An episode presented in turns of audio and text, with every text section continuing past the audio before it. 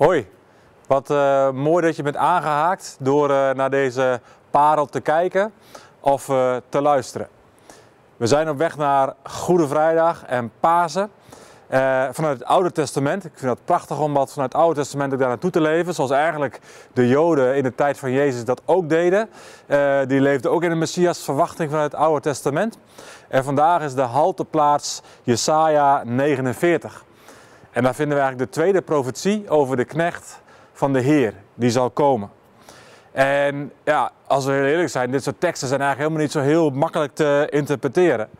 En tegelijkertijd, het is wel de moeite waard, hè? want ze worden ook uiteindelijk wel weer in het Nieuwe Testament aangehaald. Dus we weten ook zeker dat het over Jezus gaat. Ehm, en als je er wel in verdiept, en als je eigenlijk dit soort teksten juist ook wel naar voren laat komen en eigenlijk in laat werken. En niet alleen maar de teksten in de evangelie, die in zichzelf ook heel rijk zijn. Dat gaat over ja, de weg van het lijden van Jezus en, eh, en zijn sterven en zijn opstanding en wat hij zelf ook al aankondigt. Maar, maar dit geeft voor mij wel extra lading. Ik bedoel, het, het was al 700 jaar voordat Jezus op het toneel verscheen, was daar al Jesaja. En hij gaf al zo eigenlijk ja, diep weer eh, wat de route voor Jezus ook zal zijn. En wat, ook, wat ook, ook onder andere zijn rol zou zijn als knecht. Niet zozeer alleen maar als koning, maar ook als knecht. We lezen de eerste zeven versen van Jesaja 49. Eilanden, hoor mij aan. Verre volken, luister aandachtig. Al in de schoot van mijn moeder heeft de Heer mij geroepen. Nog voor ze mij baarde, noemde hij mijn naam. Mijn tong maakt hij scherp als een zwaard. Hij hield me verborgen in de schaduw van zijn hand. Hij maakte me tot een puntige pijl. Hij stak me weg in zijn pijlkoker. Hij heeft me gezegd: Mijn dienaar ben jij. In jou, Israël, toon ik mijn luister. Maar ik zei: Tevergeefs heb ik me afgemat. Ik heb al mijn krachten verbruikt. Het was voor niets. Het heeft geen zin gehad. Maar de Heer zal me recht doen. Mijn God zal me belonen. En toen sprak de Heer, die mij al in de moederschoot gevormd heeft tot zijn dienaar, om Israël rond hem terug te brengen. Of om, oh sorry, om Jacob naar hem terug te brengen, om Israël rond hem te verzamelen. Dat ik aanzien zou genieten bij de Heer en dat mijn God mijn sterkte zou zijn. Hij zei dat je mijn dienaar bent om de stammen van Jacob op te richten en de overlevenden van Israël terug te brengen. Dat is nog maar het begin. Ik zal je maken tot een licht voor alle volken, opdat de redding die ik brengen zal tot aan de einde der aarde reikt. En dit zegt de Heer, de bevrijder, de heilige van Israël, tegen hem die smadelijk veracht wordt, die door vreemde volken wordt verafschuwd, die dienaar is van vreemde heersers. Maar koningen, koningen zullen dit zien en opstaan. Vorsten buigen diep voorover, omwille van de Heer, die betrouwbaar is. De heilige van Israël, die jou heeft uitgekozen. Fascinerende tekst, want, het gaat over Israël. En dan gaat het weer over Israël, die Israël moet uh, bevrijden. Dus hoe zit dat precies? Jezus, die eigenlijk, je zou kunnen zeggen, de vervulling is van Israël. Israël die al bedoeld was als licht voor de volken. Uh, die het niet heeft kunnen waarmaken. En hier is al eigenlijk ja, een voorafschaduwing of een profetie naar de knecht. Die eigenlijk die hele plek van Israël ook ja, zal innemen. Zo kun je het eigenlijk ook weer zien. En die, die eigenlijk Israël zal bevrijden. Uit ballingschap, maar ook uh, uit slavernij van zonde. En ergens hier een bijzondere koppeling in. Want, want er was een Messias-verwachting. Ook in de tijd dat Jezus uh, leefde en op aarde kwam, was dat een gespannen Messias-verwachting. Maar het was niet zozeer een knechtverwachting. Wel een Messias-verwachting. En dat ja, de Messias, de verlosser en dat de knecht, dat het in één en dezelfde persoon uh, tot uiting zou komen.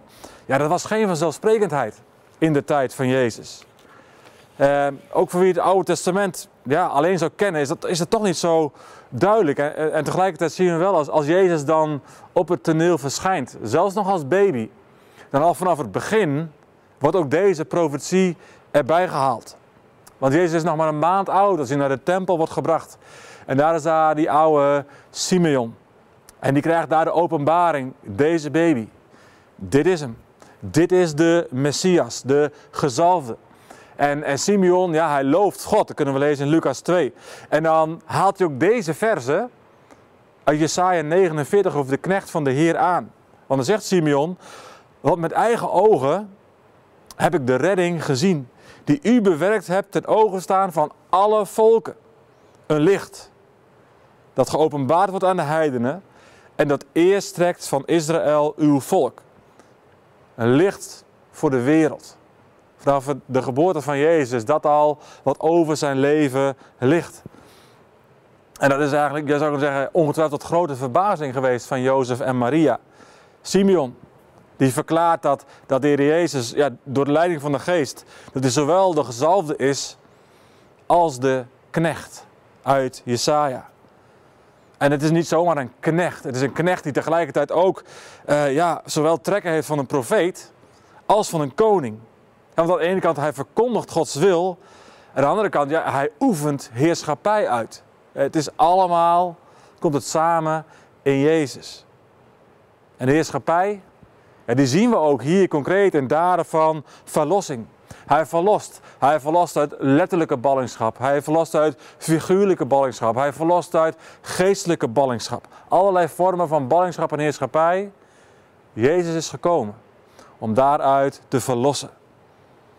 En, de terugkeer van het volk, ja, Israël uit de ballingschap in Babel, is erin eigenlijk, je zou kunnen zeggen, niet meer dan een begin van een nog veel rijkere vervulling.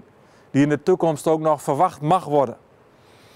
En dat betreft niet alleen maar een letterlijke verlossing, niet alleen maar een letterlijk terugbrengen van het volk Israël, maar ook wel toen uit ballingschap, maar ook uiteindelijk in het eind van de tijden. En dat zien we toch ook wel dat het heel erg aan het gebeuren is. Joden die vanuit alle uithoeken van de wereld terugkeren naar het land Israël. Maar, maar het is niet alleen maar die verlossing, alleen maar dat terugbrengen. Het is ook verlossing van geestelijke duisternis, van onkunde. als we vers 6 nog een keer bekijken, dan zien we daar, hij zei, ja, en hij is, is God, God zei, dat je mijn dienaar bent om de stammen van Jacob, het volk Israël, op te richten en de overlevenden van Israël terug te brengen. Dat is nog maar het begin. Want ik, ik zal je maken tot een licht voor alle volken. Opdat de redding die ik brengen zal, tot het einde van de aarde reikt. De Heer maakt hier al duidelijk, God maakt hier duidelijk, ja, eh, het is een te kleine bediening om uh, alleen maar knecht te zijn, zou je kunnen zeggen, die, die, die de stammen van Israël opricht en weer terugbrengt. Nee, de taak is groter. De taak is allesomvattend. Licht zijn voor alle volken. Zodat Gods verlossing daadwerkelijk zal rijken tot aan het einde van de aarde. De Messias van de Joden. Hij is tegelijkertijd ook het licht voor de hele wereld. Dus de knecht, ja, die heeft die messiaanse taak. En die vervult uiteindelijk ook de belofte aan Abraham, de aartsvader van het Joodse volk. Want in hem, in Abraham, zouden alle volken op aarde gezegend worden. En dat zien we dan ook gebeuren in het Nieuwe Testament. Daar wordt Jezus daadwerkelijk ook voorgesteld. Letterlijk, Johannes 1, Johannes 8.